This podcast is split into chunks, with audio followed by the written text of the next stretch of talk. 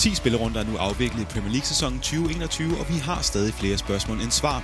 Tottenham topper tabellen frem mod weekendens North London Derby, hvor de hjemme tager imod rivalerne fra Arsenal, som senest må se sig slået af ulvene fra Wolverhampton. Scott Parker og hans Fulham-mandskab nappede første PL-sejr mod Leicester, der stadig lige akkurat holder sig i top 4, hvor et bredt midterfelt ellers banker kraftigt på døren. Vi har også banket forgæves på en lås dør og er endnu en gang tilbage i Medietors studie. Det her er alligevel som altid et stolt samarbejde med Merit Media og Radio 4's Talentlab. Det her er PL Taktiko. Og velkommen til dig, Søren. Jo tak, og lige måde, Morten. Og velkommen til dem, der lytter med. Og øh, ja, endnu en gang er vi i det her fremragende studie. Så hvis der er noget med, med t, t og p, p, p, så er det bare fordi, vi har sådan et øh, dejligt headset på. Det er godt, du lige illustrerer det også, hvis man nu skulle være i tvivl om det, så nu kan lytteren rigtig sidde og følge med helt afsnittet, om der er den. Om, om de kan høre nogle poplyde. Ja, ej, vi håber at være i vores nye studie næste gang. Vi har ja. booket studiet og var egentlig forventet om, at vi kunne komme ind, men øh, der er simpelthen en låst dør, så det må blive næste gang. Vi optager simpelthen for sent ja. øh, må, vi, må vi vurdere, at det er vores egen skyld. Ja, der må man kigge ind af. Simpelthen. Og det er vi ikke bange for at gøre her, så, så det gør vi. Og så kigger vi ud af igen mod øh, Premier League og starter med nogle nyheder simpelthen. Det kommer vi ikke udenom, at der endnu en gang, endnu en gang, endnu en gang har været øh, Champions League. Så lad os bare som altid sige, at uh, Manchester City det var en tur i Porto, hvor de spillede 0-0. Det er lige meget, de er stadig videre. Liverpool vandt 1-0 over Ajax hjemme. De er også videre. United dog var en tur øh, på hjemmebane godt nok at møde PSG, men tabte 3-1, og de skal altså ud i en knaldet faldkamp her i sidste runde mod RB Leipzig. De vandt 5-0 der sidst, så det kan godt være, at det bliver en øh, stille og rolig tur videre. Og så øh, har Chelsea været en tur i Sevilla, eller Oliver Giroud har været en tur i Sevilla og scoret fire mål. De vandt 4-0. Så øh, alt godt i øh, Champions League for det engelske hold, med undtagelse af United, der stadig lige skal kæmpe sig videre, men de er sikret Europa League om ikke andet. Så fortsat europæisk deltagelse, det er vi glade for. Så til de lidt mere øh, kedelige nyheder, medmindre du har et eller andet til Champions League. Nej, jeg vil bare sige hurtigt. Uh, Fint. At, at, ja, jeg vil lige vil skyde ind, uh, ikke for uh, altid at banke United-fansen i hovedet. Men det der nederlag til Istanbul her, det ser rigtig, rigtig skidt ud ah, nu. Fordi er nu. Når man slår både Paris og RB Leipzig, så burde man egentlig, fordi hvis man kigger på det sådan rent, hvis man er tophold i Champions League, hvis du vinder dine tre hjemmekamper, så øh, ellers bare vinder mod det hold, der burde være bundproppen i puljen begge kampe, så burde det jo være sikker etter. Nu er de så tabt til Paris på hjemmebane, men det burde jo ikke have været et problem, hvis de så havde besejret øh, Basak her i deres to kampe, fordi så havde de jo stadigvæk stået med et godt pointsnit her. Ja, det ser skidt ud, og det, det er en træls kamp skud i, i sidste runde, hvor man forhåbentlig som flere af de store hold, for eksempel Liverpool og City, øh, Chelsea i den sidste runde kan spare spillere. Den luksus har United ikke, og det er en streg regning i et tæt kampprogram. Det er det i det særdeleshed, også fordi det kommer jo her inden jul, hvor der i forvejen er rimelig pres på. Men øh, om ikke andet, så håber vi, de, øh, de kæmper sig videre, sådan så vi får fire hold med på den anden side også. Og så, øh, ja, til de tunge nyheder, som jeg sagde. Raul Jimenez kommer vi ikke udenom. Han pådrog sig den her forfærdelige skade i kampen mod Arsenal, som vi også kommer ind på, når vi skal snakke om den kamp. Spoiler alert. Et øh, kraniebrud blev det simpelthen til, og han er blevet opereret, men øh, er jo på den anden side og i bedring, og han skal bare lige tage det stille og roligt sammen med familien, og så vil han forhåbentlig tilbage igen. Øh, ja, så lang tid det nu tager at komme sig over sådan en, en tur der, og så må vi se, om han skal spille med hjelm fremover, eller hvordan det kommer til at, at følge ham i forhold til den her skade. Et forfærdeligt sammenstød med David Lewis. Ja, absolut, og jeg vil egentlig gemme, eller jeg vil stadigvæk gemme det meste til kampen, hvor vi snakker om det, men øh, hvis man vil vide sådan noget inden for den fodboldverden der, eller inden for idrætsskader generelt, så en meget anbefaling er at følge Brian Sudor på Facebook. Han er doktor og øh, ham med speciale i sportsskader og snakker tit om amerikanske fodboldskader. Øh, han havde også om Roman Grosjeans øh, Formel 1-uheld, øh, hvor han også snakkede om øh, de forbrændinger, han havde øh, og brændsår. Og, og han har også øh, kigget på den her Raul Jimenez situation, og jeg snakker han netop om, altså det kan være flere forskellige former for operationer, han har fået, men øh, vi håber at se ham snart tilbage på fodboldbanen. Vi skal nok komme mere ind på selve situationen. Det håber vi i den grad. En meget vigtig spiller for Wolverhampton. Aston Villa og Newcastle, den kamp, der skal spilles her i weekenden, den er blevet udsat, fordi at Newcastle de har simpelthen har fået et covid-19-udbrud i truppen. Der skulle vist være fem mand, eller sådan for øh, første truppen, der var blevet ramt af, af den her coronavirus. Og det har så gjort, at de er nødt til simpelthen at sige, at vi kan ikke, øh, vi kan ikke spille den kamp her. Og den er så blevet udsat til hvornår, ved vi så ikke øh, helt endnu. Lidt ærgerligt for Aston Villa, der i forvejen har en kamp i, i hånden, så de kommer til at være to bagud i forhold til alle andre, men uh, må ikke, at de, uh, de kan finde ud af det på et tidspunkt. De har jo ikke nogen europæisk deltagelse, de også skal tage, tage stilling til. Jo, og Newcastle-spillerne og personalet har fået at vide, at de skal blive væk fra træningsområdet for netop at undgå en øh, yderligere smitte. Og det var jo et spørgsmål om tid i Premier League, før vi ville få nogle kampe, der blev udskudt med den verdenssituation, vi har med covid-19-smitte. Så ja, det var et spørgsmål om tid, at Premier League gør det rigtigt med at håndtere det. Det er straks et værre problem, når vi begynder at komme i juleprogrammet, hvis der er flere, der begynder at blive smittet. Det kan blive et kæmpe problem senere, hvis man skal begynde at udskyde for mange kampe, også i forhold til, at man vil gerne vil afholde EM til sommer. Øh, og der er også noget OL, hvis der er nogen, der skal være med til det. Så på den måde kan det gå hen og få store konsekvenser senere hen i sæsonen. Og så er der jo, nu kan vi lige tage Aston Villa-vinklen på den, og lige tage en lidt øh, mere mundre vinkel. Altså, som træner jo, når man har to, øh, to kampe i hånd, så, så er det jo bare seks point, man bare sætter på tavlen. Den, dem kan man lige så godt regne med med det samme. Sådan ja, det er man, klart. Sådan er man jo evig optimist. Sådan er det. Det er bare to kampe, som er sejre, stensikkert. Absolut. Mod et Manchester-hold, og så mod Newcastle. Ja, det kan det, ikke gå lige lommen, ikke? Lige præcis, lige præcis. Så har vi en uh, skadesliste i Liverpool, der også bliver længere. Der har fået tilføjet en, uh, en målmand, Allison. Også lidt en vigtig spiller, øh, hvis vi skal sige det sådan. Den bliver ikke kortere der. Nej, det er i forvejen to centerforsvar ude, og Matip, der spiller sådan hver anden kamp, fordi det er det, han kan holde til. Og ja, du må have Fabinho dernede og også have været skadet. Så får du Alisson, der tidligere sæsonen har været skadet, så øh, Adrian har stået forfærdeligt til kampen har stået. Så brugte de så Keller her, her i øh, midtugen, her i Champions League-kampen mod, mod Atalanta, hvor han står en rigtig god kamp. Det, altså, det er jo en meget lille sample size, så man kan altid med en keeper, så står de som regel godt de første par kampe, de kommer ind, men det er over en lang sæson, man skal se dem, før man, de reelt har niveauet. Øh, Keller her skal forhåbentlig bare holde skansen, fordi det efter sin ikke en alvorlig muskelskade, Allison har, men man vil hellere fange det i opløbet, så det ikke bliver noget alvorligt. Så han ser nok ud mod Wolverhampton også i den ligegyldige Champions League-kamp øh, for Liverpools synspunkt, og også for Midtjyllands synspunkt, øh, ja, i en sidste runde i Champions League. Hvis man kan undvære Allison der, jamen, så er det måske til at leve med, i stedet for at han får en alvorlig skade. Det er straks værre, hvis det ligger ind i sæsonen, fordi han er jo i hvert fald blandt de bedste målmænd i verden, og der er bare et langt spring ned til Keller her. Det er der i en anden grad. Og en anden vigtig spiller, som øh, det er den sidste skadesnyhed, jeg har med, det lover jeg. En anden vigtig spiller, der måske skal sidde ud for sit hold, det er Harry Kane, der angiveligt skulle døje med en skade inden øh, det her Nordlondon derby. Mourinho han er ved at sige, at han tror, han skal nok spille, og må ikke, at øh, skadet eller ej, at han står på, på banen, når de møder hinanden, de to. Der er vist en her i det her studie, der håber, han ikke gør. Måske bare en eneste, som, som den Arsenal-fan, du er. Jeg har givet op, Søren. altså, det må jeg bare sige. Er det ligegyldigt, om Harry Kane er med eller ej? Vi kan godt tage den uden for mikrofonen også. Nu, nu får du den bare her. Jeg, jeg er træt af Premier League, det må jeg bare sige. altså, jeg, jeg, jeg overgår ikke mere. Jeg overgår simpelthen ikke mere. det, det, det er blevet sådan lidt et terapi-ting, og nu, øh, vi har flere gange sidste afsnit, der snakkede vi, at skulle Arsenal være med der efter deres øh, fadese der, og det, det fik vi sådan ligesom aftalt. Der var andre kampe, der var vigtigere i den her runde, der havde vi også lidt en diskussion, om det skulle være United sejr over Southampton, eller om det skulle være Arsenal-kampen. Og der blev nødt til at sætte foden ned og sige, der, der er simpelthen en Arsenal-kamp og en, uh, mod Wolverhampton, vi bliver nødt til at snakke om. Og vi kan ikke snakke lidt om Alan Kuhn, eller hvad? nej, nej. Ja, nej, det er ikke den samme hurtige brille. Nej, ja, det er i orden. Det er ja. orden.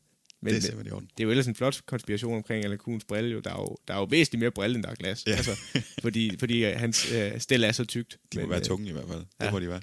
Men han kan bære det. Det kan han. Øh, en øh, nyhed, som ikke er en øh, skadesnyhed, men som skal måske kan være i transferafdelingen, det er, at FA, Premier League og øh, den, det forbund, der ligesom står for, for championshipen og ned efter, de er samlet enige om en plan for, at øh, hvordan man skal erhverve udenlandske spillere, når det her Brexit det går igennem med, med årets udgang. Og derfor så skal man altså fremover, hvis man ønsker at spille i Premier League, så skal man have det, der hedder en Governing Body Endorsement, hvor man simpelthen får point ud fra, hvor mange kampe man har spillet på ungdoms- og seniorniveau, og så kvaliteten af den klub, man bliver købt fra, altså hvor man ligger i, i ligaen, og hvilken liga man i det hele taget ja, spiller i, og så fremskridt i de kontinentale turneringer, og så er der antal kampe for klubhold baseret på den hjemlige liga og kontinentale turneringer. Altså hvor meget man spiller, hvor meget man har spillet, og på hvilket niveau man spiller. Så får man simpelthen nogle, nogle point her, i forhold til, om man kan få lov at spille i Premier League, og man skal have lov til at komme ind i, i det Great Britain, der simpelthen er efter Brexit, at øh, ja, det skal være sådan lidt luksuriøst. Jeg ved ikke, om det, det er nok ikke det, det er tiltænkt. Men, men øh, udover det, så kan Premier League-klubber maksimalt hente tre udenlandske U21-spillere i et januarvindue, og så seks på en hel sæson. Og så må Premier League-klubberne først hente udenlandske spillere, når de er 18 år gamle. Og det er måske noget, som man i Chelsea tænker, hvorfor, hvorfor må vi først? Hvad, hvad, hvad sker der her? Ja, men altså, øh, det er jo egentlig ikke, altså, det er ikke så kontroversielt, som det egentlig lyder, for det er den samme arbejdsgang, man har haft med spillere, der ikke har været europæisk statsborgerskab. Øhm, nu kan jeg igen snakke ud fra min Liverpool-fanvinkel. Liverpool har jo hentet spillere, som der aldrig nogensinde næsten, øh, ikke så vidt jeg ved, spillede en seniorkamp for Liverpool, fordi de ikke kunne få arbejdstilladelse. Der var en, øh, der er en nigeriansk spiller, jeg kan ikke huske, om jeg stadigvæk er lejet ud, øh, Awunji, tror jeg han hedder, eller sådan noget. Og så var der også en brasiliansk spiller, ham har jeg lige siddet, hvis jeg er virkelig lidt fraværende, prøvet at komme i tanke om, hvad pokker han hed. Men han var udlejet til både her til Berlin og nogle hollandske klubber, mener jeg, han var. Øh, og nåede aldrig rigtigt at spille en seniorkamp, hvor man ellers i længere tid havde håbet på, at han ville få have mulighed for det. Men han kunne simpelthen ikke optjene point, selvom han så kom til Bundesligaen først, der fik han ikke nok spilletid, og det samme med Arwunje, der også var i både Bundesligaen og Æresdivisionen. De kunne ikke nå op til nok point til at kunne få et arbejdstilladelse, og så røg de, øh, den brasilianske spiller røg tilbage til Brasilien, så vidt jeg husker. Øhm, så, så på den måde er det ikke så kontroversielt, men det kan blive et problem, hvis du for eksempel vil hente lidt mere ukendt spiller, der ikke har opnået landskamp, eller kun har spillet for eksempel Superliga-kamp, så kan det godt blive et problem, at man kan få lov til at hente ham. Øhm, ja, så er det måske mere i forhold til det med 18-årige spillere. Det har jo også været det samme, både med afrikanske og sydamerikanske spillere, så vidt jeg husker. Så det er jo heller ikke banebrydende. Det eneste der er, at det er bare blevet en større gruppe af spillere, der nu skal opfylde de samme krav. Øh, specielt fordi, at engelske klubber primært henter fra Europa af. Så på den måde, i forhold til talentudvikling, så kan det blive et problem, men det er ikke fordi, det er totalt øh, nyskabende. Tror du så, at vi kommer til at se en overgang af engelske spillere, der bare bliver skubbet frem nu? Nej, det tror jeg faktisk ikke. Altså, De er jo den, godt på vej. Den engelske talentudvikling er blevet bedre inden for de sidste 5-10 år. Det er der ikke nogen tvivl om med de spillere, vi ser med Sancho, Phil Foden, øh, nogle af de andre unge spillere. Øh, Jude, Jude Bellingham kan man også nævne. Altså, der er rigtig mange gode unge spillere, og det er jo fordi, man har startet det talentarbejde. Og det var jo, mens man havde de nuværende Premier League-format, så er der nogle af dem, der har været i Bundesligaen og spillet, det kan vi med på. Og på en eller anden måde, så altså, jeg, jeg tror bare ikke, Premier League-klubberne har stadigvæk de samme ambitioner, så det er ikke fordi, de kommer til at give flere engelske spillere chancen. Jeg tror mere, det er stadig de samme standard, de sigter efter i de store klubber. Der er bare ikke så meget plads til at give unge spillere chancen. Så på den måde tror jeg ikke, det gør en stor forskel, fordi det vil stadig være et multinationalt førstehold. Og så er der jo stadig et rygte, der ikke vil dø. Jeg havde det også med sidst. Det er Christian Eriksen. Christ, kan du lige nævne? Christian Eriksen. Ja, tak. Ja. til Arsenal, øh, som øh, simpelthen ikke vil dø ud, og ifølge en, nu har jeg fuldstændig glemt navnet, men en englænder, som har været ude i en transferpodcast og, og tale lidt om det her skifte, jamen så, øh, så overvejer han det, men han er nervøs på grund af sin øh, fortid i Tottenham, og det giver jo faktisk meget god mening, både at han overvejer det, men også at han skulle være nervøs for det, i og med at han har været i seng med fjenden, øh, hvis, Ja, hvis man kan sige det sådan. derovre. Ja, præcis. men, øh, men han skulle jo angiveligt stadig have sit hus i Nordlondon, så det skulle være nemt for ham bare lige at, Ja. at flytte hjem øh, i gåsøjen, og så øh, simpelthen bare starte træning igen, køre, køre til et andet træningsanlæg frem for at køre til, til hvad end Tottenhams nu engang hedder. Altså, nu vil jeg så bare sige med det samme. Christian Eriksen virker ikke til at være en position, hvis der kommer en Premier League-klub i den traditionelle top 7, øh, og kan bruge ham og kan se ham som en fast starter, så vil jeg sige, godt være, at han har øh, forbindelser til Tottenham, og ja, der vil være nogle fans, der er sure. Man kan så sige, hvor mange af dem er på stadion med sin spiller her til at starte med, øh, og så kan han ligesom vende sig til at spille for en ny klub. Jeg tror bare ikke, han kan tillade sig at være kredsen lige nu, og hvis en, en klub som Arsenal, der gerne vil spille offensiv fodbold, og måske har manglet det her offensive bindeled lidt i sidste par kamp, øh, og hvis jeg tæt ser det som et større problem, jamen, så vil han da kunne passe fint ind. Jeg, som jeg sagde i sidste afsnit, så tror jeg ikke rigtigt på den stadig, men hvis Christian Eriksen fik muligheden for, at Arsenal var interesseret, så tror jeg ikke, han kan tillade sig at være kredsen. Er han bedre end Mesut Özil, der ikke får lov at spille? Absolut. Spændende. Vil du have lov at uddybe, eller ja, skal det- bare hoppe videre? Nej, jeg vil gerne lov at uddybe, men det, Det er er mere... Altså, der er ingen tvivl om, jeg tror, at Mesut Özil måske har haft et højere topniveau end Christian Eriksen, når vi har set ham i Real Madrid øh, og for det tyske landshold, når de har vundet VM. Øh, altså, der synes jeg, han... Der vil jeg nok mene, at Mesut Özil har haft et højere topniveau. Det er måske mere han, den kultur, der er på holdet, Mesut Özil. I hvert fald, nu er der flere trænere, der ikke rigtig vil bruge ham i længere perioder og smidt ham på porten, så der må jo være et eller andet snakken, fordi hvor der røg er der som regel også ild. Øh, Christian Eriksen, han har altid været arbejdsom, og han har aldrig haft nogen divenykker på den måde, selv hvis man ser Tottenham-dokumentaren, hvor han gerne vil væk. Det er jo ikke, fordi man ser ham som divanykker, og de tilbyder ham en højere løn, end Levi og Tottenham. Jamen, det var ikke det, det handlede om for Christian Eriksen. Han ville ud og prøve noget nyt, øh, og ville troede, at han kunne vinde flere titler i Inter, eller i hvert fald få en større chance for det. Det har så vist sig nok ikke at være helt rigtigt. Men det var det, der var hans ambition i hvert fald. Ja, det, det er lidt noget andet end Mesut Özil, som der lader til at have taget en stor kontrakt, og så øh, bare ville lune på den, og ikke rigtig ville få lavet, eller røre sig ud af flækken. Nej, og det, det kommer han så heller ikke til. Han kommer hverken til at sidde på bænk eller noget lige, lige forløbig. Men øh, lad os øh, simpelthen puste lidt mere ild til, til det rygte, og så lad os fortsætte med at snakke om de kampe, vi har udvalgt i den her omgang. Og vi skal starte i Everton, som har taget imod øh, Leeds, og øh, en kamp, som, ja, måske man havde forventet et lidt anderledes resultat, men en kamp, som Leeds, de ender med at vinde 1-0. Og øh, Bielsa, han er jo normalt sådan lidt, skal bare score flere mål i modstanderen, det gør han selvfølgelig også her, men en 1-0 sejr, hvordan kan det være, at det ender med lige præcis at være sådan en, en, en smal en? Det er også et godt spørgsmål, for da jeg sad og så den her kamp, specielt første halvleg, så var det et under, at der ikke blev scoret flere mål. Den kunne sagtens have stået 2-2 ved pausen. Øh, begge holder store chancer, og der bliver brændt nogle, ja, men nogle af dem, de brænder, det, det, det burde ikke kunne lade sig gøre. Øh, og det er, det er faktisk en rigtig spændende fodboldkamp at sidde og se på, for der er enormt meget. Altså begge hold øh, committer mange folk øh, frem i deres øh, opbygningsspil og får mange mænd frem, og så lige pludselig kommer modstanderen stadig i kontraangreb. Og, altså der er, det, det, det er lidt en kaotisk kamp, men det er også øh, fedt at se for offensiv fodbold, for der er rigtig mange situationer, som vi kan dykke ned i, men der bliver skabt en masse chancer. Altså, hvis vi kigger på øh, expected goals for kampen, øh, altså hvor mange mål man forventer, der kommer ud for de chancer, der bliver skabt i kampen. Hvis vi sidder og kigger på dem for understat, jamen så det forventede antal mål, Everton skulle score i den her kamp, ud for de chancer, de skaber, og til de spillere, de falder til, den er på 1,29, og Leeds, den er på 3,11. Altså, det er imponerende, specielt for Leeds side, specielt som oprykker. Nu har vi igennem den sæson flere gange snakket om, jamen Leeds, de er imponeret, og det kan godt være, at de ikke har fået det antal point, som deres spil berettiger til. Den her kamp vinder de 1-0, og det er fuldt fortjent ud fra min vinkel. Øh, selvom jeg synes, Everton også skaber chancer, så synes jeg bare, at Leeds var det bedste hold. Det er måske det nye Manchester City. Høj XG, og så se, om det kan bæres hjem. Men det er jo lige præcis den måde, de faktisk spiller på, med at de har høj possession-del. Øh, de har også en høj possession-del, øh, så vidt jeg husker, i Everton i den her kamp. De har 58 mod 42. Lige præcis, og hvis jeg havde sagt til dig, øh, givet dig en øh, ukendt klub, og jeg har sagt, det er en oprykkerklub, der spiller på udebane mod Everton, og du har, de har haft 58% possession, havde en XG på 3,11, så havde du nok grint af mig og sagt, hvem pokker kan det være? Så havde det nok kun været Wolverhampton, holdt, de rykker op, og selv det de rykker op med det spillermateriale, de havde, der kunne de ikke gå ud og gøre det, som Leeds gør nu.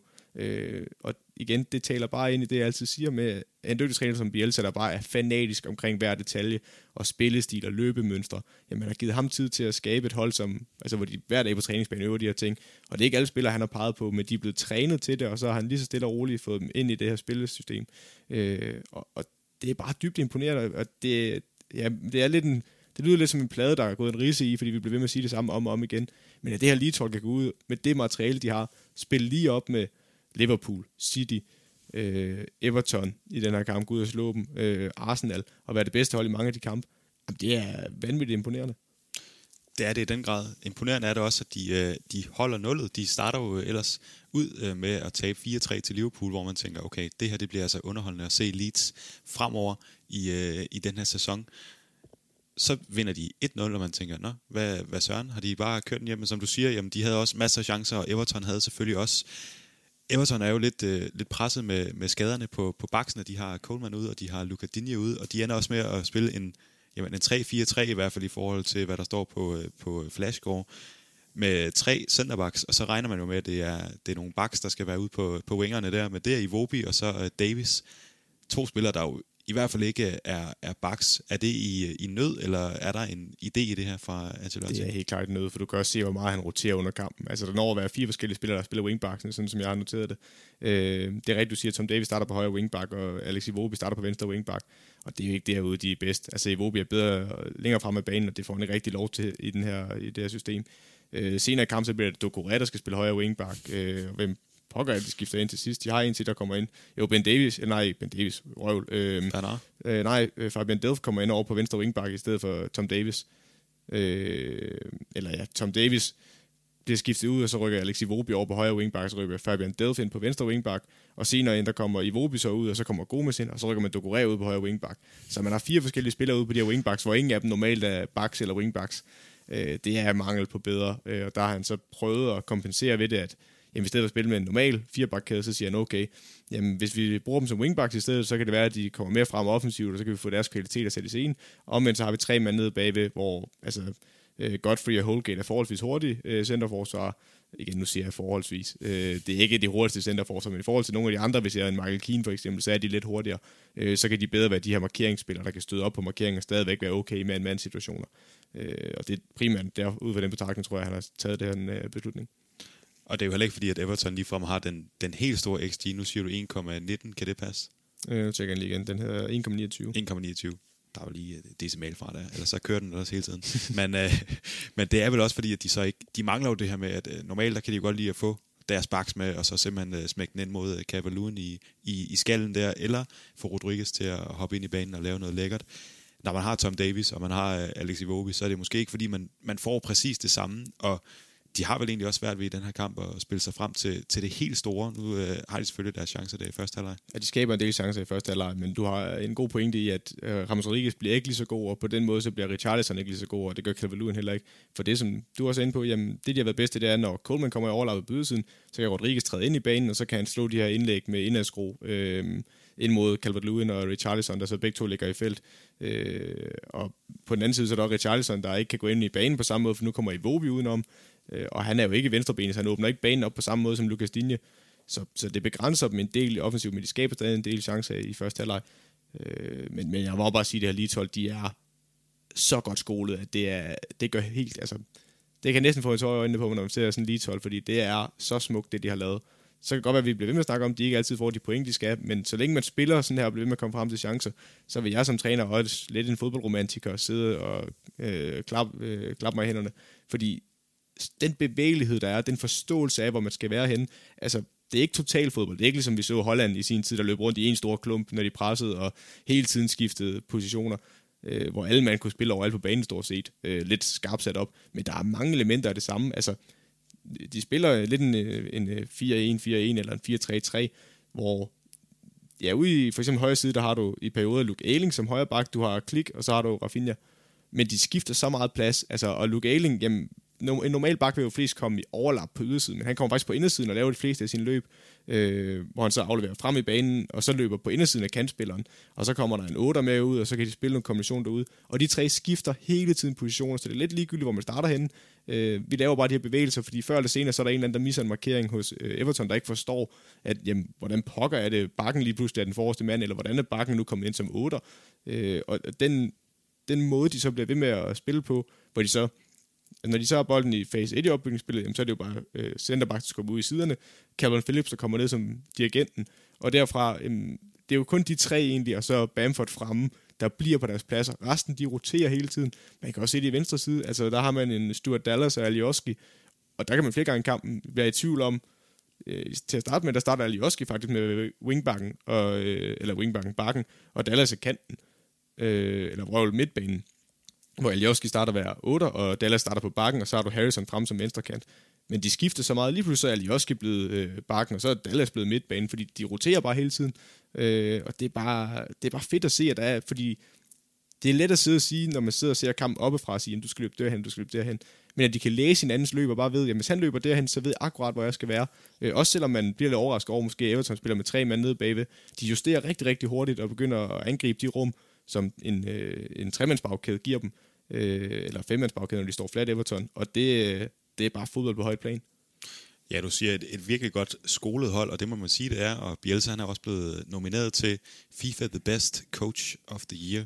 Og øh, der må man bare sige, det er virkelig fortjent. Fordi når man kigger på det her hold, jamen, det er jo ikke de store stjerner. Den største, han sidder nærmest på bænken, Rodrigo fra, fra Valencia, de hentede her i sommer.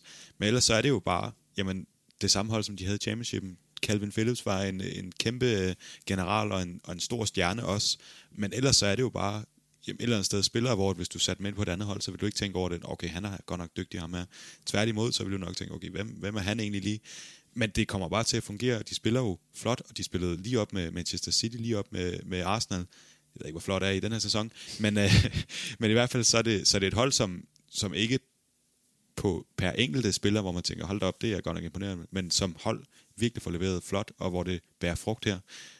Hvor, øh, hvor meget af det ros skal Bielsa have, og hvor meget er det egentlig, at vi undervurderer de her spillere? Kommer vi til om, om et par år at sige, hold op, ham Rafinha der, han er da en en af de allerbedste i hele ligaen. Altså, der er sådan en som Calvin Phillips, som der er flere af de store klubber, der har øje på. Han er også enormt vigtig for det her hold, og hele metronomen, og de er bare et andet hold. De har spillet med Stryk, eller hvad han hedder, øh, hollænderne, og det er slet ikke den samme kvalitet.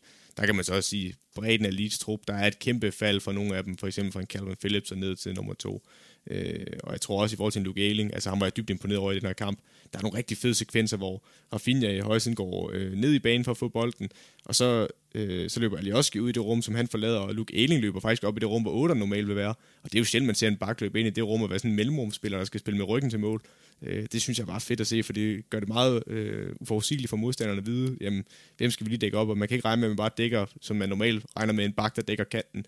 Jamen lige pludselig så kan det være øh, bakken, der angriber mig i et mellemrum eller noget, og det, det er bare fedt at se. Men for at vende tilbage, der er mange af de elitespillere, som jeg ikke tror, hvis du rykker dem over, for eksempel Stuart Dallas for eksempel, jeg tror, hvis du rykker ham over på et West Ham hold, så tror jeg ikke, han vil skille sig ud. Øh, men det er fordi, de hver dag på træningsbanen har trænet det igennem en årrække, og de er blevet så øh, imprægneret i den her spillestil, for det kræver også meget af Bielsa. Han stiller store krav til dig, og hvis du ikke lige passer ind, jamen, så, altså, selvom du er en god spiller, du kan se en, en catcher, jeg tror ikke, der er nogen, øh, der er i tvivl om, at han er en god Premier League-spiller, men han passede bare ikke ind i Leeds, og så blev hans lejeaftale sidste sæson reddet over af begge parter, øh, fordi han ikke fik nok spilletid. Og man godt kunne sige, at Leeds var lidt utilfreds med det, fordi de gerne beholdt ham. Men man kan godt forstå, at det var Arsenals perspektiv, han skulle have mere spilletid. Men hvorom alting er, så kræver det bare, at man køber helt ind i den spillestil, og så bare giver alt på træningsbanen, og bare tror på, at jamen, lige meget hvad Bielsa siger til mig, eller hvad hans tolk siger til dig, jamen, så er det bare det rigtige. Og hvis man stoler blindt på det, jamen, så får du det, Leeds gør her. Øh, fordi der er ingen tvivl om, at Bielsa han er en af de klogeste fodboldtrænere overhovedet.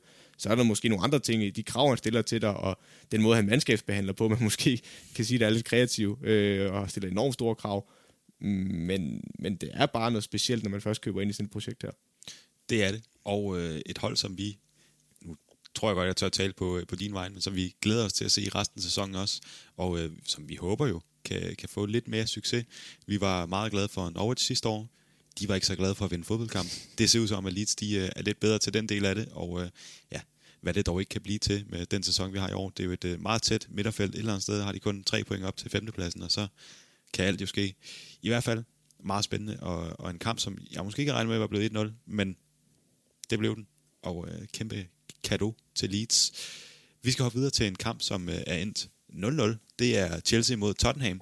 En kamp, som vi allerede snakkede lidt om i, øh, i sidste uge, hvor vi øh, jamen, simpelthen tænkte på det. Jamen, kan, kan Chelsea åbne Tottenham op? Skal det være holdet, der ligesom siger, at nu slapper I af derovre i, i Nordlondon der, og så kommer lidt ned for den pind, I, I sidder på.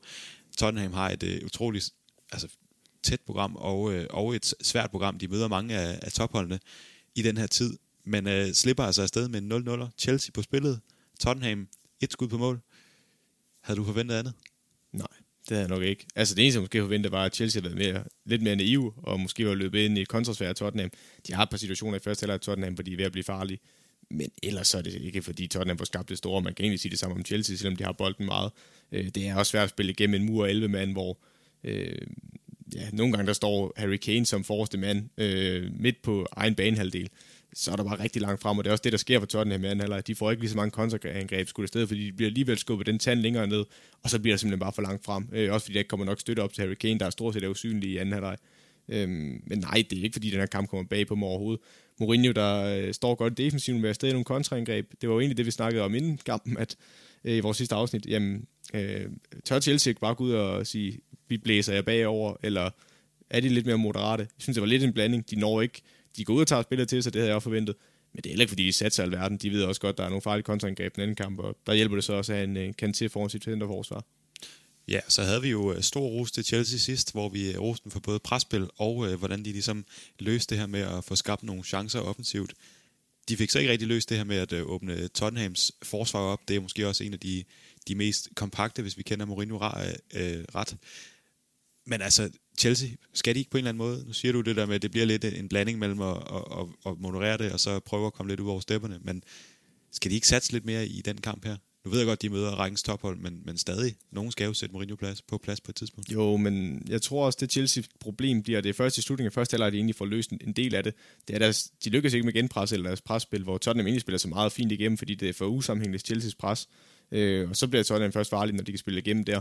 Øh, og det, op, det anser Chelsea i en periode, så falder de lidt ned, og, og lader Tottenham med bolden. Det er stadig Chelsea, der har mest boldbesiddelse, men der er en periode i første halvleg, hvor de anerkender, at vi kan ikke lægge presset på øh, Tottenham, så lader vi dem have bolden. Øh, og ja, jeg, jeg tror, det problem Chelsea løber ind, det er netop deres presspil, men det er ikke fordi, det ikke kan lade sig gøre, fordi de gør i slutningen, altså i slutningen af første halvleg, der ligger de så hårdt pres på Tottenham, at de netop står nede på egen, øh, midt på egen banehalvdel med forreste mand. Øh, men problemet bliver, at de rigtig får åbnet op for det her Tottenham-hold, når de har bolden. Det har Mourinho læst meget godt, og jeg træder lidt i vandet, fordi det gemmer lidt til min deep dive, sådan hvilke taktiske ting. Øh, men jeg kan lige tease lidt. Altså, der er de rum, som Tottenham lukkede mod City. Det er de samme rum, de lukker mod Chelsea, fordi der er en del samme, øh, sammenligninger, sammenligninger her, hvor de også spiller en 4-3-3 Chelsea. Og de rum, som de gerne vil spille i, dem lukker Tottenham. Der er sådan en løsning, jeg i hvert fald ser, når jeg ser det på video, at de kunne have brugt, men det synes jeg ikke, de gør nok brug af.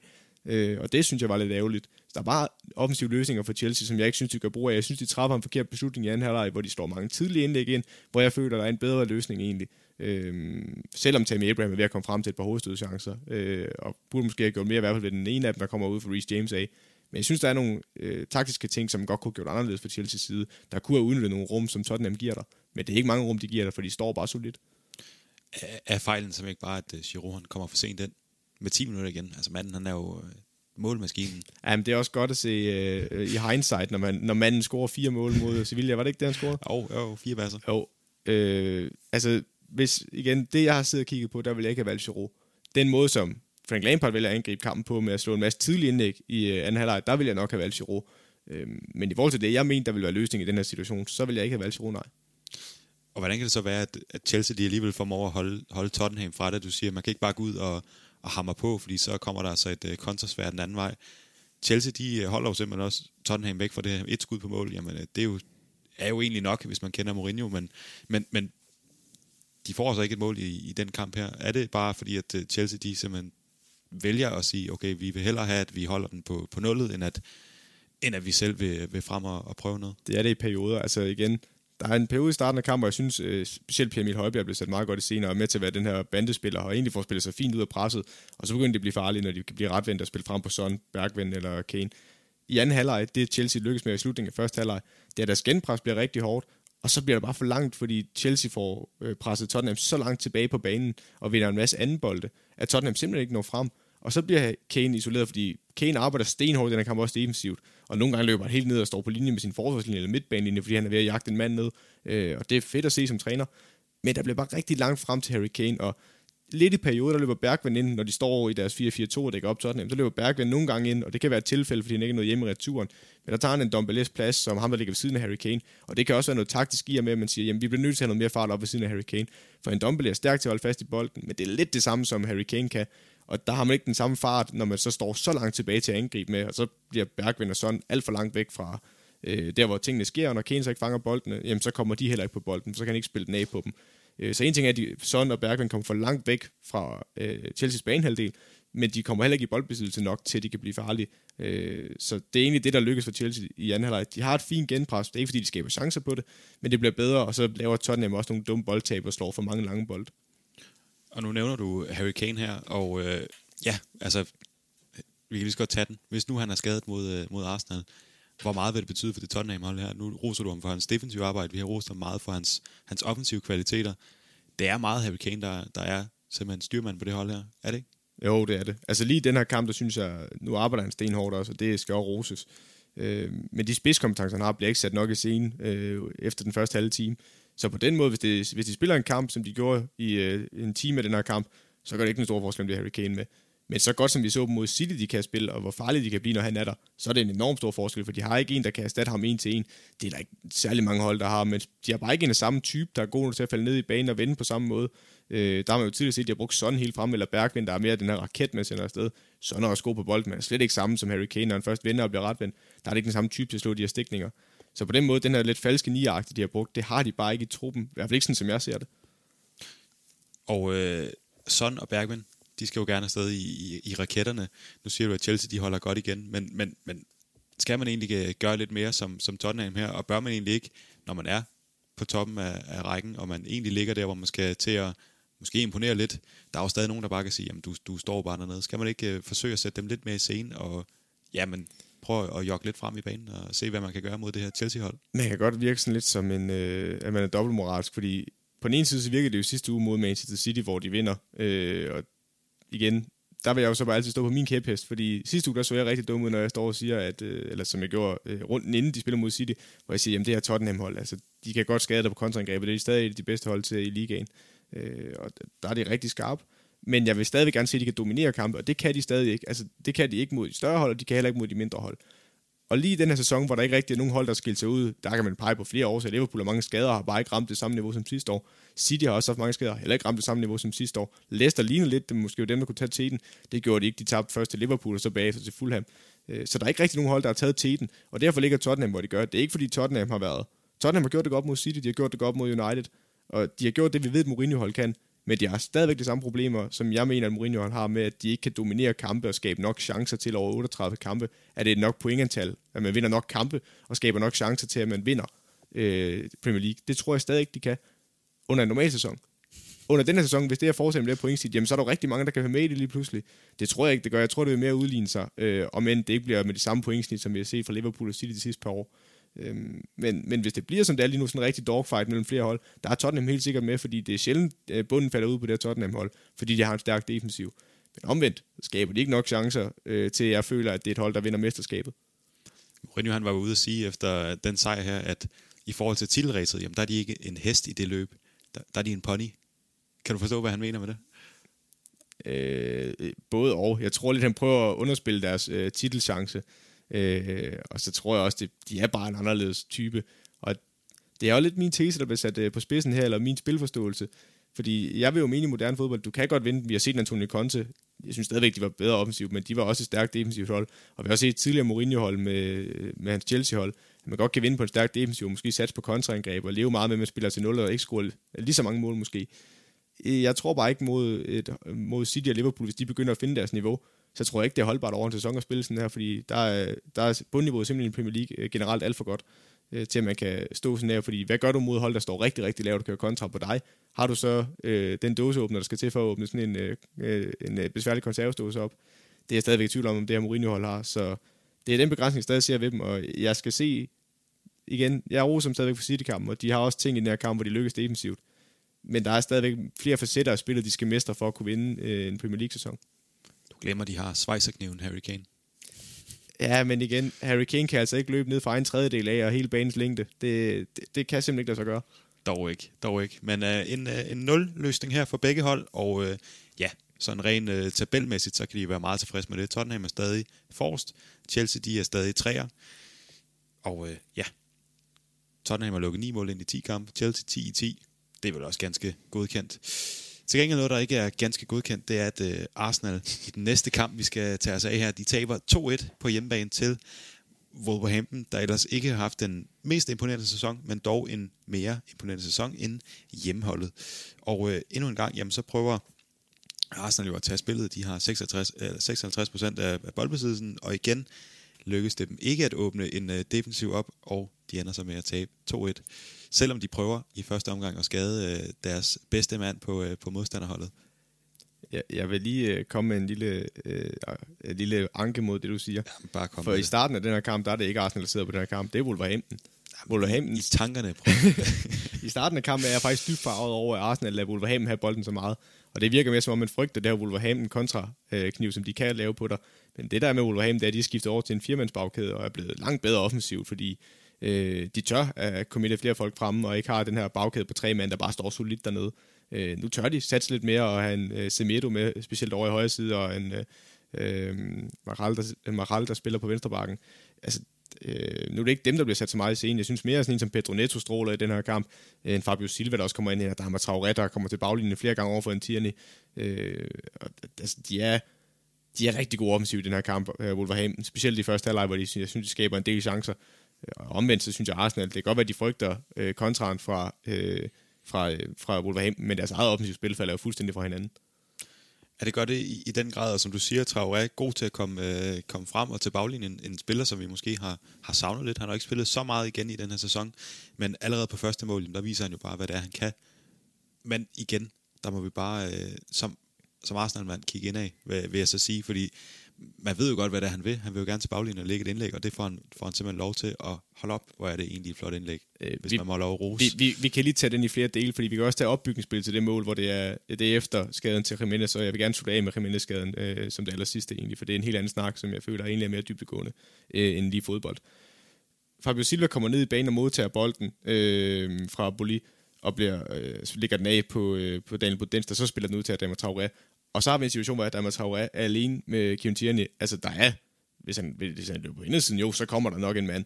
Øh, men Adama Traoré er så et benet. Og så kan godt være, du siger, jamen, vi ved jo alle sammen godt, hvor han vil hen. Men det ved man jo også, dengang han Robben var på toppen. Det var ikke, fordi man var i tvivl om, at han skal nok ind i banen på et tidspunkt. Det forstod jeg heller aldrig, så jeg forstod det ikke. men, men det kan jeg så fortælle dig, at hvis du giver en masse mand den plads, han har, og det antrit, han har, for det er absurd. Altså en, en spiller som Trent Alexander-Arnold, da han skulle pege på en spiller, og den værste spiller, han spiller overfor, jamen det var Adama Traoré. Og øh, han er også en hurtig mand. Tierney er også en hurtig mand, der også kan dække mand mand. Men den acceleration, de besidder, hvis du ikke lige ved splitsekunder, han gør det på, for han kan stå og lave en kropsfinder, det kan godt være, at det ikke ligner noget flashy. Det er ikke, fordi han laver de vilde finder. Men bare den timing, der er, hvis du lige giver ham det splitsekund, der du ikke lige er klar, eller du ikke lige forstår det, det er splitsekund. Og også nogle gange, selvom du er klar, hvis der er det bagrum der, det er jo ikke, fordi Tierney giver ham meget plads. Han, han kan jo ikke løbe forbi Tierney, han kan ikke runde ham. Men han giver ham lige den øh, splitsekund til, at han kan nå at få nok fart på, og få nok separation på, fra, Traoré til Tierney, til han kan slå indlægget. Og det er ikke, fordi jeg synes, Tierney gør særlig meget forkert egentlig. Altså, han kan jo ikke gøre andet, når han står for stående, og de begge to står for stående.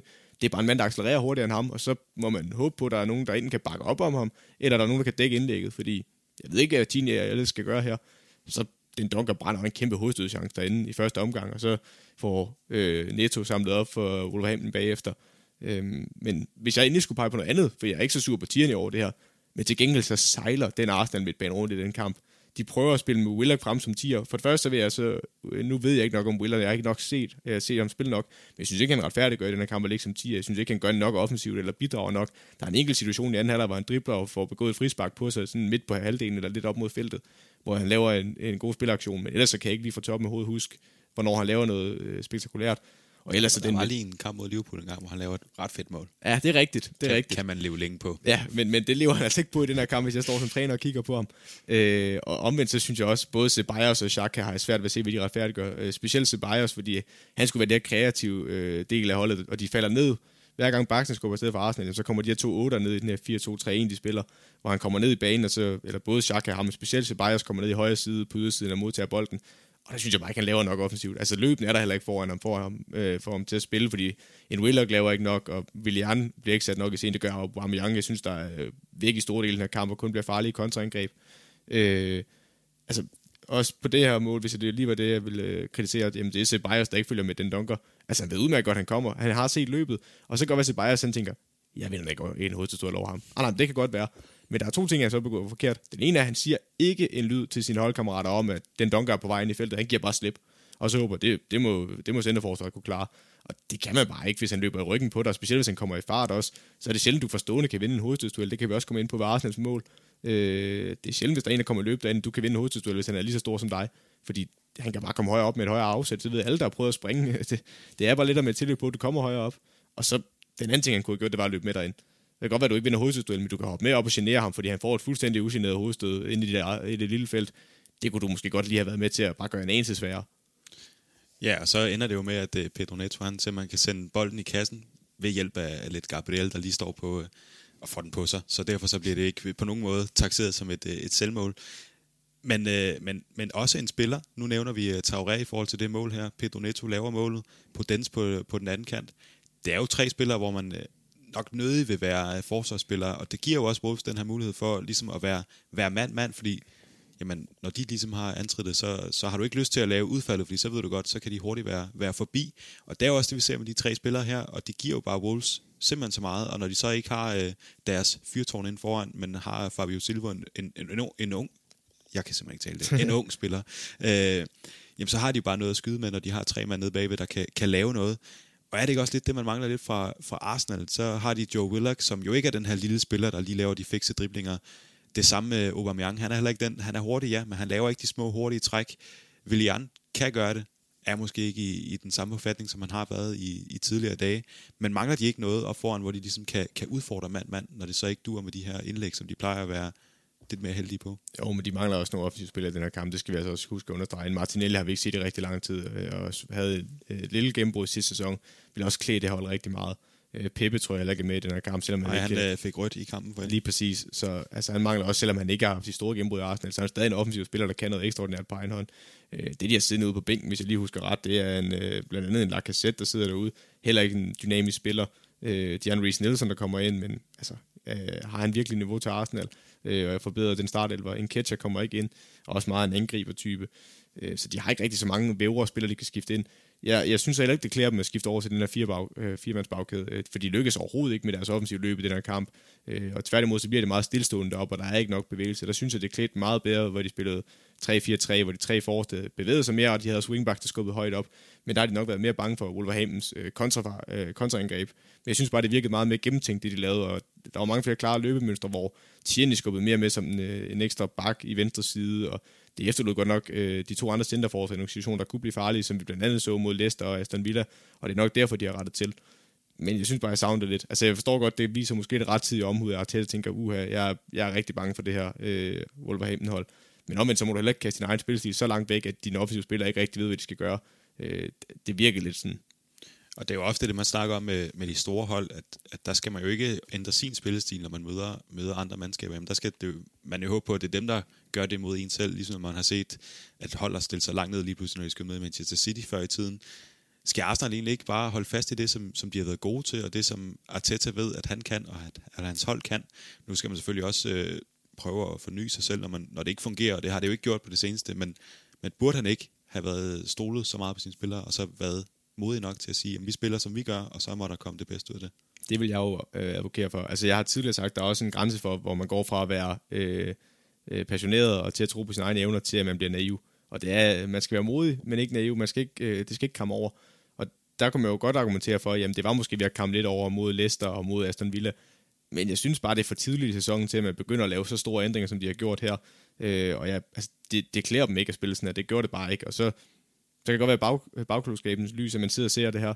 Men, men jeg vil, til næste kamp vil jeg nok skifte over til at spille med tre mand nede bagved igen. Velviden det er Tottenham, og der kan vi jo blive enige om, det er lidt den samme opskrift som mod Aston Villa og mod, øh, mod øh, Leicester, at de kan blive ramt på samme måde. Og så kan, så kan det godt være, at de løber ind, hvis vi så sidder og siger, jamen nu laver de om til en 3-4-3, som de har gjort de andre kampe, og så løber de en kniv mod Tottenham, så kan man sidde og sige, ej, de skulle aldrig have skiftet om, og hvor var de naive. Men over en hel sæson, så tror jeg bare stadig, at det er bedre, den spillestil, de har indøvet fra starten af, at de holder fast i den. Så skal man nok kunne skifte lidt i formationer, det er jeg med på. Men jeg synes bare, der var meget klar spillestil, det de prøvede før, og det virkede mere gennemtænkt. Og det synes jeg heldigvis, de skal holde fast i. Så kan det godt være, at de ikke lige får det ønskede resultat mod Tottenham, men over en hel sæson, så tror jeg, at det vil være bedre for dem. Ja, og så, som vi har snakket om, der er nogle hurtige spillere, som øh, gerne vil køre mand-mand, og Arsenal har selvfølgelig været bange for det her kontrastød, de har fået fra, fra Wolves, som de havde forventet at få i hvert fald. Men som man ser på, øh, på de mål, der bliver scoret, jamen, så er det bare svært at dæmme op for det her, fordi du har spillere, der, der kan udfordre mand-mand, og som kan, som du siger, Adama Traoré forstående, tage et afsæt, og så har han altså sat der nok til, at han kan lave det indlæg, han gerne vil. Det ser man også på mål nummer to, hvor Pedro Neto han får lov at, at drible ned, og så øh, kommer der en afslutning, som bliver rettet af for Bellerin, og som Leno af den grund ikke kan holde, og så på den bare hurtigt at være inde over bolden, og så sende den i kassen. Det er jo ikke noget, du ligesom kan, kan dække af for. Det er jo bare noget, du bliver nødt til at, at ja, på en eller anden måde, og så Men må forsvarsspilleren Lige det ligesom mål vil jeg så komme med en, en lille pointe i, for det kan godt være, at du har ret i Pedro Neto, han får utrolig meget plads og afslutter derudfra, at den bliver rettet af, og så laver øh, Podencio en verdensklasse detalje, hvor han lige chipper den over Gabriel Morales tre, øh, tackling, og så sparker den ind. Det er så køligt. Men hvis vi skal se på opspillet til det mål, fordi vi skal tit se på mål, ikke isoleret på den spilsituation der, men hvor den starter, det er jo Adama Traoré, der, står, mm, øh, der får bolden midt på banen, løber lidt frem. Tror, det er Tierney, der markerer ham først, og så laver han en autofind på både ham og Xhaka, øh, hvor de så ikke formår at begå frisparket på ham. Der bliver nødt til at begå det. Altså, der er jeg kynisk. Så stopper vi det angreb der, og så løber vi hjem og står, så må du tage den advarsel.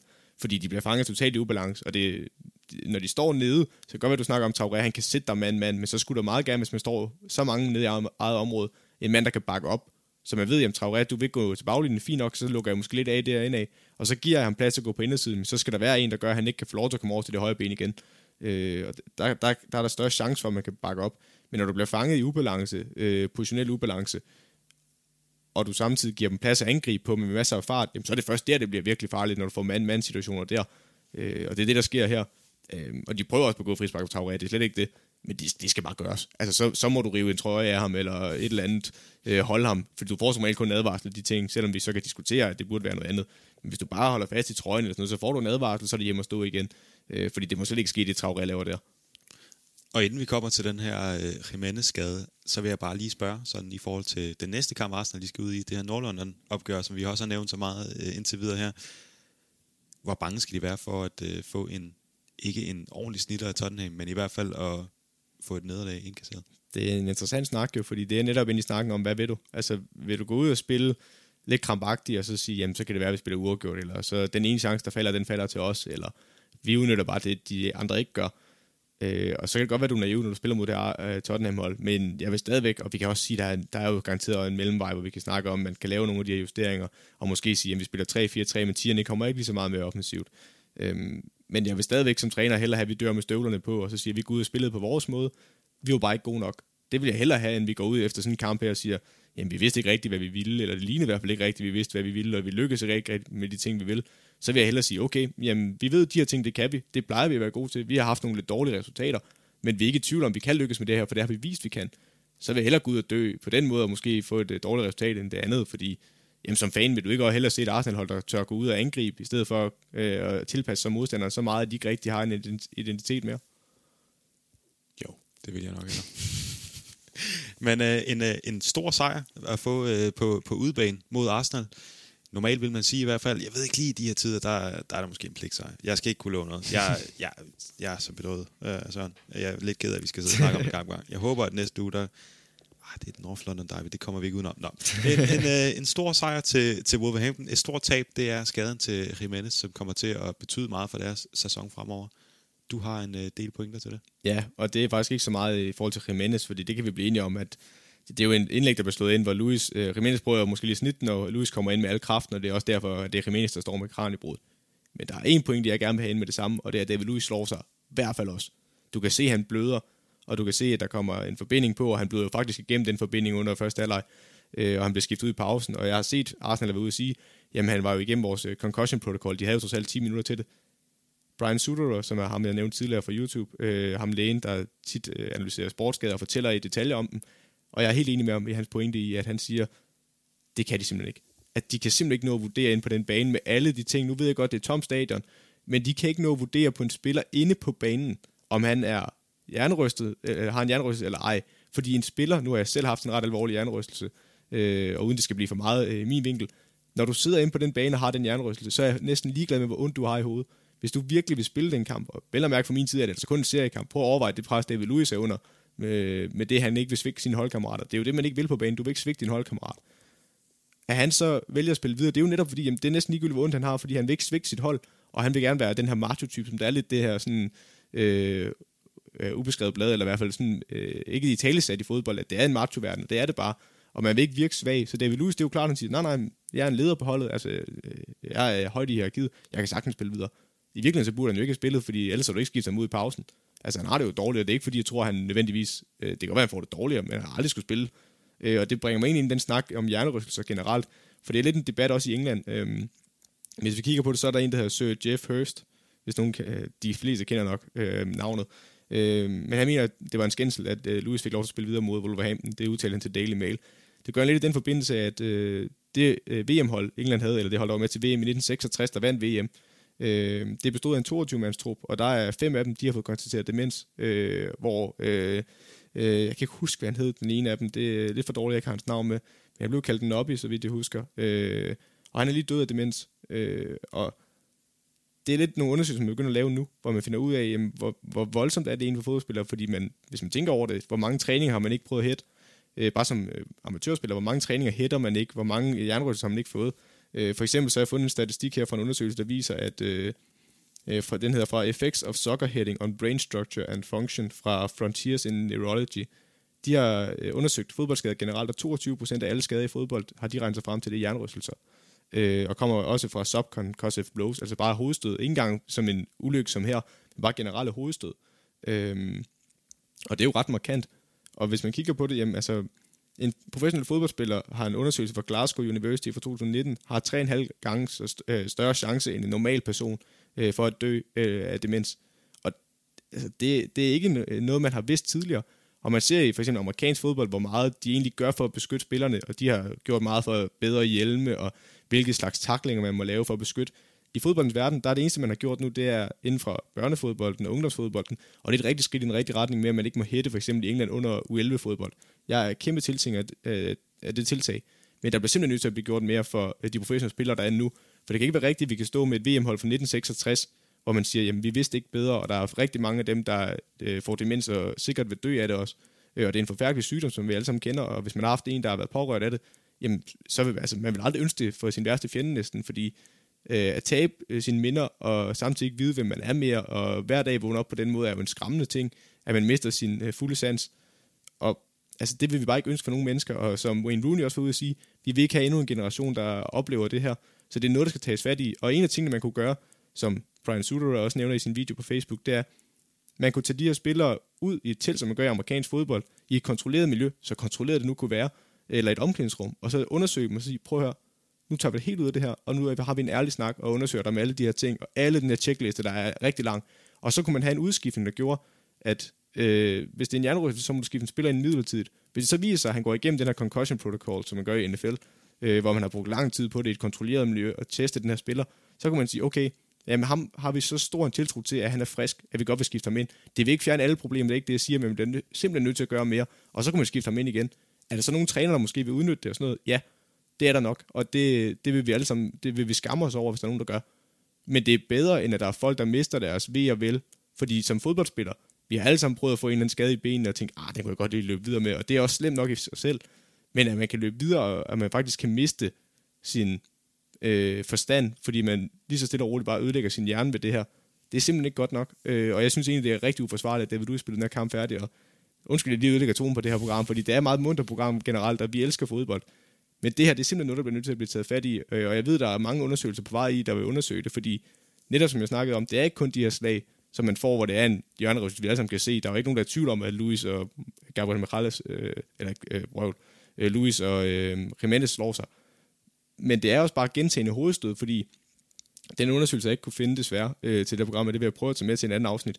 Der er jo blevet lavet undersøgelser for nylig om, at bare hvis du laver 20 hovedstød, så vil du allerede der, hvis du laver kognitiv test, så vil du allerede der begynde øh, at præstere dårligere i en kognitiv test. Altså for eksempel bare øh, almindelige øh, gåder og løsninger. Der vil du allerede der begynde at blive dårligere. Øh, og den skal jeg nok finde, fordi det vil jeg egentlig rigtig gerne kunne øh, øh, jeg referere til, så jeg ikke øh, kommer med en forkert undersøgelse. Men hvis den viser sig at være rigtig, den undersøgelse, så er det også skræmmende, at du bare ved normale hovedstød øh, begynder at blive dårligere. Øh, og ja, der er bare rigtig mange ting i det her, vi lige skal holde øje med, og der bliver simpelthen nødt til at blive taget mere seriøst inden for fodboldverdenen. Rigtig gode pointer, og nærmest en, en deep dive, der ja. lige øh, blev lagt ekstra på her. Og øh, ja, altså hovedskader, det er jo noget af det mest forfærdelige inden for fodbold. Gabriel Morales, får også en bold lige i hovedet til sidst, hvor han også lige må lægge sig en gang. Ja. Og ja, altså det her med, at der skal gøres noget, det, det er stensikkert. Men der vil jeg faktisk godt lige komme med en pointe. Fordi hvis man sidder og hører Sky Sports kommentering af den, så bliver han ramt i hovedet.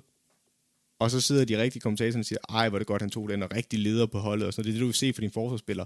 Og jeg vil jo gerne se ham blokere bolden. Men han ligger nede på jorden, og det kan godt være, at det ikke ser så alvorligt ud, men jeg kan fortælle dig, at han får den lige i tændingen. Og du kan ikke, på det tidspunkt kan de ikke vurdere kommentatoren, om det er noget alvorligt. Og igen, det er sådan en melding, nemlig med, at, at du vil gerne se en leder, der tager den med hovedet eller sådan noget. Det er den der macho. Ja, lige præcis. Ja. Og det er jo det, man gerne... Altså, man vil jo gerne, hvis det er en glidende takler, han kommer ned og blokerer den, så er det fedt. Men man skal også bare tænke på, at der er altså et menneske bag den fodboldspiller der, der skal leve videre bagefter. For at slutte sådan en, øh, en, en lidt hård en af med en lille joke, så må jeg sige, at øh, Niklas Bender må have lavet mange hovedstød i sin karriere. Haha. Så den, kommer den, vi øh, stille og roligt videre. Ja, den, den, øh, den tror jeg, skal vi glade for, at Niklas Bender ikke opsøger dig. Ja, men han, han lytter ikke med, det ved jeg. Jeg har fået en liste, og det er kun uh, Jordan Pickford. Nå, men uh, de øvrige resultater i den her runde, det er, at uh, Crystal Palace, de har mødt Newcastle, og Newcastle, de tog hjem fra London med en 2-0 sejr. Brighton har mødt Liverpool, den endte 1-1. Manchester City tog imod Burnley og vandt hele 5-0. West Bromwich, den første sejr. Nej, det, det er ikke West Bromwich, sorry. West Bromwich, deres anden sejr. Fantastisk hold. Sorry, West Bromwich. Alle de fans, der sidder derude. De har mødt Sheffield United, som stadig ikke har en sejr, og øh, West Bromwich vandt 1-0. Southampton, de fik besøg af Manchester United, og den blev 3-2 til Manchester. Leicester fik besøg af Fulham, som fik deres første Premier League sejr for den her runde. Altså, den her sæson. 2-1 øh, vandt de over Leicester, og West Ham vandt 2-1 over Aston Villa. Og nu er det endnu en gang tid til, at du skal komme med en deep dive. Den første var god, det bliver den anden forhåbentlig også. Chelsea? Chelsea, ja. Det er en blanding af Chelsea og Tottenham, vi kigger på her. Øh, og som altid, hvis, hvis vi har været gode nok på sociale medier, det, det plejer det er blevet i hvert fald, synes jeg. Eller nu skal jeg passe på, har du lagt den sidste op på Instagram? Nu uh, tager det, jeg bare min telefon det, frem, det, vi fordi sidder, der er nogen, der lige skriver til mig en gang her. Så der tjekker jeg jo lige. Ja, det, det sidste, vi lige sidder og kigger på, det er, øh, eller det vi prøver at referere til, det er, at øh, når vi laver den her deep dive, så plejer vi at sidde og tegne, eller jeg plejer at sidde og tegne på det, øh, og lave nogle taktiske øh, vinkler på det, så man kan få lov til at sidde og se, og nørde lidt med derhjemmefra, hvis man har mulighed for det. Er det her afsnit 12? Det er afsnit 12. Nå. det er da noget pis. så, du, så du har ikke fået slået op på sidst? Nej, det, det har jeg ikke. Øh, Morten, der styrer vores... Øh, man kan lige komme ind bag... Øh, Afsnit 10, det var, det, var, øh, det var der, hvor vi ikke havde nogen. Det var quizzen. Okay. Jamen, så, har vi ikke... Uh, så hvis man lige kommer med ind bag øh, kontrolpanelet her, så er det fordi, at Morten styrer vores Instagram, og jeg styrer vores Facebook. Øh, og altså, Facebooken, den kører snorlig med både øh, citattabel og øh, ugens deep, der hver uge. Og, og der kan vi jo bare sige på Instagram, det er lidt mere en laissez holdning til, hvornår det kommer op. Det er lidt mere ligesom min egen Instagram. Det er sjældent, men godt. altså, vi, vi kører ikke den der kvantitet, vi kører kvalitet. Ja. Øh, så, så det er fordi, nogle gange, hvis min deep der ikke har været god nok, så går det lidt tid, den kommer. Ja. ja. Enig. Men, men nej, det skal nok komme ind. Øh, så hvis man vil følge med på de tegninger, jeg har lavet... Øh, og, øh, så skal og man gå ind på Facebook. Så skal man gå ind på Facebook, hvis du være helt sikker. Men du kan også gå ind på vores Instagram. Og I må meget gerne følge os derinde. Det gør en kæmpe forskel for os. Også i forhold til den, øh, ja, det, det snit, vi når ud til øh, af Facebook-brugere og øh, Instagram-brugere. Så gå ind ind og øh, giv os et like øh, og følg os. Men ja, der kan man følge med på tegningerne, og ellers, hvis man ikke har mulighed for det, jamen, så kan man også øh, sagtens bare høre med på podcasten. Jeg kan sagtens øh, beskrive det ellers. Øh, men det, vi skal kigge på, det er Tottenhams massive mur, der lukker ned for øh, Chelsea's ellers så sprudlende offensiv, som vi kiggede på i sidste uge.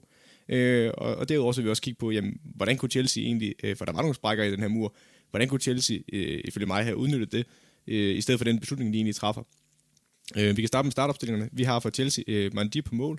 De stiller op i en 4-3-3, hvor de så har Reece James på højre bak, Kurt som øh, højre centerback, øh, Thiago Silva venstre centerback, Ben Chilwell venstre back, Kanté som sekser, så har de Kovacic som højre øh, 8, og Mason Mount som venstre 8, altså de to centrale midtbanespillere, Tammy Abraham helt fremme, Hakim Ziyech på øh, højre kant, og Timo Werner på venstre kant.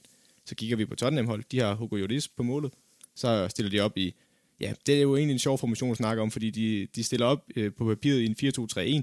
Når de dækker op, så er det mere en 4-4-2, hvor øh, en Dombele og Kane ligger fremme, men en Dombele falder nogle gange lidt mere ned end Kane for at hjælpe med at dække op.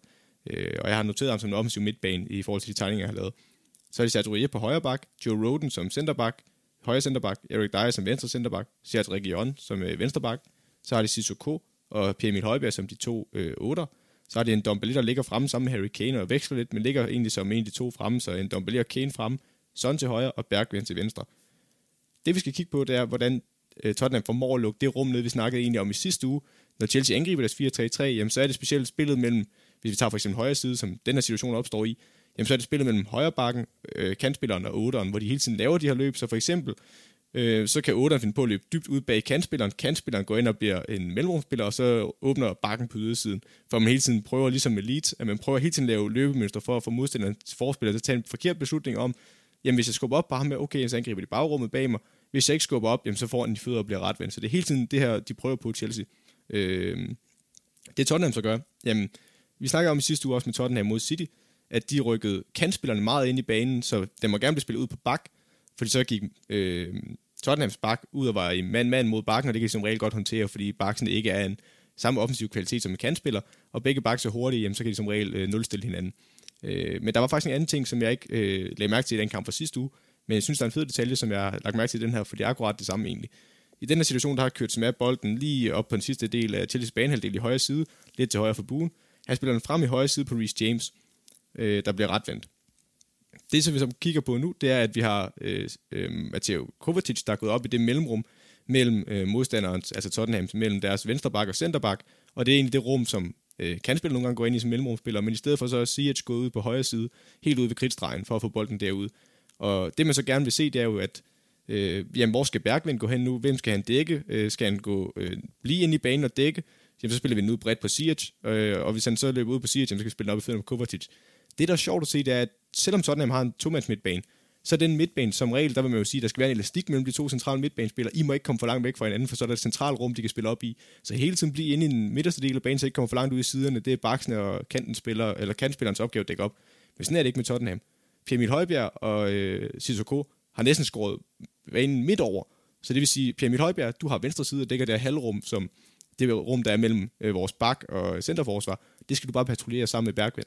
Så i det øjeblik, at den bliver spillet ud på Reece James, så går Bergvin op, lukker vinklen lidt ud mod Siege. Den kan godt blive spillet op i fødderne på Ziyech, den kan gå langt nok ned i banen, men så har Region også tid til at komme op og dække ham, så han ikke kan få lov til at komme i fart. Så han står egentlig og dækker ham mand, mand højt op i banen, hvor det ikke er farligt op midt på banehalvdelen. Øh, Bergman han kan tage imod Reece James, han løber i duel på ham, han kan godt følge med ham rent øh, fartmæssigt. Og så bliver Pierre Emil Højbjerg lige pludselig så han skubbet helt over i venstre side og dækker nu Matteo Kovacic, der er skubbet langt op. Og så bliver det rigtig langt over for Pierre Emil Højbjerg til den modsatte side, men der har Sissoko bare gjort det samme. Så hvis vi kigger på den næste situation, jamen så er det Thiago Silva, der har bolden, driver bolden frem i, i midtercirklen, i venstre side af midtercirklen, lige i kanten af den, kommer op på, øh, øh, på, eller på Tottenhams banehalvdel. Og så har man igen samme situation. Jamen i stedet for så er Timo Werner, der står inde i det mellemrum mellem nu den højre centerback hos Tottenham og højre bak, øh, og vi ned i banen her bolden. Men der er Sissoko bare stillet sig ind. Han står der bare, jamen jeg tager bare imod dig, Werner, værsgo. Jeg lukker bare det rum her, der får du ikke bolden. Så det vil sige, hvis man nu tænker sig om her, så har Tottenham, den beslutning, de har taget, det er, at vi har kantspillere, der står inde i banen, så de må gerne spille på baks udenom ham. Så kan vi altid løbe derud bagefter. Øh, og vi har lavet en 8, altså vores to centrale midtbanespillere, de står meget bredt i hver side. Så selvfølgelig, når de bliver spillet centralt ind, så skubber de lige så stille og roligt ind. Men det vigtigste er, at de dækker det her mellemrum på ydersiden. Så kan man jo så spørge, hvor er rummet så henne? Det Chelsea de vælger at gøre i anden halvleg, det er, at de slår tidlig indlæg ind, hvor Ziyech og specielt Mount går længere ned i banen, for så at slå indlæg ind mod Tammy Abraham. Og ellers kommer overlappet fra øh, Rich Rhys James, der også slår tidlig indlæg. Og det er rigtigt. Øh, der er to situationer i starten af anden halvleg, hvor de er ved at lykkes med det her Chelsea. Men den løsning, jeg ville have taget, som jeg også har tegnet på her, det er det rum, der ligger mellem Sissoko og Højbjerg, for der bliver rigtig langt mellem de to i perioder. Og i stedet for, så burde Tammy Abraham gå mere ned i banen, for hvis han går ned i banen, så kan han få den hen og blive retvendt. Og hvis der er en centerforsvar, der så får master sig til at følge efter ham hele vejen op igennem til midtbanekæden, så opstår der et rum bagved, hvor vi kan få Siege ind, eller Timo Werner, afhængig af, hvilken centerstopper, der skubber frem. Du kan også se på den situation, jeg har valgt at tage med her. Der kan man tydeligt se, at Tammy Abraham, han står lige omkring, øh, lidt længere fremme, eller lidt længere nede i banen end buen af fældkanten. Der står Eric Dyer, og det, øh, Abraham forlader ham og løber ned i banen for at få den. Så står Eric Dyer og kalder, du kan tydeligt se faktisk på det billede, jeg har lavet her, men også hvis du ser situationen i kampen, man kan tydeligt se, at han står og råber og siger, hvem samler lige ham herop? Og det er der ikke nogen, der gør. Så Abraham løber ned i banen mellem de to, og så får han bolden fra, øh, fra øh, Mason Mount, der går ned i banen for at få bolden, og så bliver han retvendt, og så prøver han at stikke Timo Werner afsted på indersiden. Det er lige præcis, som man gerne vil se. Du kan se det lidt på et hold som Liverpool, eller hvor de bruger Roberto Firmino, eller øh, Barcelona-hold i sin tid med Cesc Fabregas, der går ned i banen som falsk nier, og vender og bliver retvendt, så stikker folk afsted. Det er det, jeg savnede, de gjorde i den her kamp. Så er Tame Abraham ikke den helt rette mand, øh, men han gør det i den her situation, kommer ned i banen, og så er til afleveringen, den bliver godt nok brugt, og den ryger ikke helt vejen igennem til Werner, men det er det rigtige, han tænker. Der er så en anden situation i anden halvleg, hvor han, eller jeg mener det første halvleg, hvor han også prøver at gøre det, men der bliver det tydeligt at se, at det er unaturligt for ham, for han løber ned, står der, får ikke lige bolden med det samme, og så løber han bare dybt. Der skal han bare blive stående derinde, fordi så trækker han en mand til sig, og så må der være nogen, der løber dybt bag ham. Så er det noget andet, hvis han først løber op manden på ham, jamen, så kan det godt være, at du skal begynde at forsvinde, og så er der en anden, der skal løbe ind i det rum. Men han stod der ikke så lang tid, fordi han bare var afsted i dybden, og han er ikke, han er ikke skabt til at skulle være den her falske nier. Og det er så også over til det, vi snakker om tidligere. Jamen, hvem vil du så have sat ind? Øh, jeg vil ikke sætte Giroud ind. Jeg vil nok sætte Kai Havertz ind. Og nu ved jeg ikke hans situation, hvordan, øh, hvor fedt han er men han er mere skarp til det her. Han er mere den her offensive midtbanespiller. Han har måske ikke haft den letteste start til Chelsea. Jeg synes ikke, han har spillet dårligt, men det kræver noget tid at tilvende til Premier League. Men han er mere skarp til at sidde i banen. Han er mere sådan en mellemrumspiller, der godt kan lide at spille med ryggen til mål, og så blive retvendt måske på en øh, god dribling, eller bare lægge den af på et touch. Øh, så det mellemrum, der er her centralt, det er jeg lidt ked af, at Chelsea ikke udnytter nok. Tottenham gør det rigtig godt defensivt, det kan vi ikke benægte. Men der er rum, du kan udnytte. Det er svært at lægge den derind, men, men de bliver simpelthen spillere ind, der, der kan bedre udnytte det rum, fordi det ene er det, jeg føler, at Tottenham giver dig, og så må du tage det rum, de giver dig. Smukt. Der må jeg bare sige, Ola Miguel, I hope that you are listening. Fordi at, øh, det er da sådan, man lige åbner Tottenham op. I hvert fald så er det et øh, forsøg på det. Det bliver spændende at se i hvert fald, om det er et rum, de vil udnytte Arsenal, eller om de har for andre planer. Eller så må du snart simpelthen overtage det træner der. Jeg, jeg, jeg, der må være en løsning. Det, det må der simpelthen være. Og det er der tydeligvis her. Men igen, spændende den måde, de bruger otterne, at de bare ligger sig ned. Øh, som du siger, normalt så vil man jo gerne have, at de hænger lidt sammen. Her der er det okay, de bare det, øh, søger ud. Det er faktisk sjovt, den elastik, der er, det er ikke mellem de to øh, midtbanespillere, Det er faktisk tværtimod mellem, at man har en højre centerback, og så en central midtbane, der er en øh, snor imellem, at de ikke må komme for lang afstand, så ikke har det mellemrum at spille i. Ja, nu skal jeg nok stoppe. Øh, vi skal også have tid til andre ting. Det er okay, det er okay. Det er, det er endnu en gang en, en lækker deep dive, og øh, som du siger, have tid til andre ting. Du har også et øh, spillermøde, du skal til. Så lad os bare hoppe videre til citattabellen. Det er jo sådan også med os, der har lidt funny bones. Så tager vi jo vores nederlag med, med et, et lille smil. En lidt sort humor. Ja, det kan du kalde det. Ja. Øh, det, jeg har med i dag, det er et citat fra Roy Keane, øh, og det er efter øh, Arsenal-kampen mod Wolverhampton, der snakker de om, ser selvfølgelig frem mod det North London derby, der ligger foran dem, og Roy Keane, han siger simpelthen, at øh, jamen, han, han ser, at Arsenal, de har jo selvfølgelig deres, deres styrker, og I think they'll be strong enough to stay up. Og der er det så sent på, øh, på aftenen, det er jo den sene søndagskamp, Arsenal de spiller, at verden han skal lige sådan finde ud af, om han egentlig mener det, eller om det er bare sagt i, det er også i sjov. Det er også svært med sådan en mand som Roy Keane. Ja, han, han giver ikke meget. Nej, der er ikke meget med Mika at arbejde med. Men hvad siger vi til den? I think they'll be strong enough to stay up. Jeg tror, vi må, vi må nok regne med, at det er sagt med lidt sarkasme. Det er det, med tyk sarkasme, og så specielt på Roy Keane, hvor man ikke kan... Altså, hans mimik, han ligner bare en mand, der er sur seriøs, øh, hele tiden og seriøs. Øhm, ja, altså, jeg kunne jo være lidt beskyttende over for dig her, og sige, at jeg ikke følte, det var sjovt. Det er lidt sjovt, men jeg synes også samtidig, at den ligger lige til højre ben. Altså, det er sådan man altid siger om sine rivaler, når det ikke kører. Øh, så jeg synes, den er sjov. Men er den billigt købt? Eller? Ja, lige præcis ja. det, jeg mener. Den er lidt billigt købt, fordi det er en, vi alle sammen laver, for eksempel de år, hvor Brøndby lå lidt nede i bunden, øh, undskyld til alle Brøndby-fans, der nogen lytter med, men der var de år, de var nede i bunden, eller AGF, hvor man bare, har, har, de rykker ned. Der var så nogle AGF, der faktisk rykker ned, det skal vi lade være med at snakke om. Men, men de andre år, for eksempel der med FCK i år, har, har, de rykker ned, og det gør de jo ikke. Men det er, det er jo bare sådan et rigtig rival jab, men, men den er bare den er ved at være lidt slidt, synes jeg. Øh, så jeg synes, den, er, den ligger omkring midten. Det kan godt, den kan godt være oppe i den sjove ende. Altså sådan Arh, lidt, Kan vi så ikke smide den lige under midten? at, at det er fordi, der er meget trafik, simpelthen. Der er lidt meget trafik lige over midten der, ja. Ja, men, men så skal den over midten. Nå, super. Fordi du skal simpelthen på arbejde på din Instagram. Jeg skal gøre det svært for dig nu. Det, det er kun i orden. Det er det altså. Men øh, jamen, den første lige over midten, det er Ilkay Gündogan, der mener, at øh, Romelu Lukaku han er den mest undervurderede spiller i Jeg hele synes verden. faktisk, den er lidt over den. Den er lidt over den. Nå, Den er så, måske øh, også lidt højt sat. Men ja, Så bliver det Jamie Carragher, der, som, der så vil vælge, at øh, Harry Kane skal være den, der ligger bold i dybden. ja den er under den. Den er under den. Ja. Så rører vi i midten der. Det kan godt være, nej, ved du hvad? Igen, jeg, jeg siger det hver gang. Nu sætter jeg en streg. Nå, nej, det gør jeg faktisk ikke. Men det gør jeg faktisk ikke, for jeg kan faktisk godt huske, at den skal sidde der. Så øh, jeg vil bare sige, at øh, vi ender der. Og så håber jeg, at de er strong enough to stay up. Men øh, det bliver vi nok klogere på i næste uge. Forhåbentlig er vi også I vores studie. i det rigtige studie næste uge. Vi kan ikke love noget. Vi håber, at øh, medietåret er til at holde ud og lytte på med t t t og p hvis man har glemt at lytte efter det. Og så øh, er der vel ikke andet end bare at sige tak til Merit Media, trods alt. Og tak til Radio 4 Talentlab, for at de gider at spille os. Tak til, til Kasper særligt, som sidder og, og måske med det her i aften. Jeg kom til at love ham, vi optog i går. Ah, dårlig stemning. Han spurgte, om vi optog onsdag eller torsdag, så sagde han, "Nej, men onsdag middag. Og så måtte jeg jo lige skrive til ham, det blev og torsdag. han er Arsenal-fan også, og så vælger du at gøre det her mod ham. Det, jeg ved det godt. I skulle ellers holde sammen nu. Det kan godt at vi snart røger ud af det. Hvis vi lige pludselig stopper med at takke Radio 4 Talentlab, så ved I hvorfor. Ja. Men øh, tak til dig også. Selv tak, Morten. Og tak til dem, der lytter med. Og så øh, god weekend.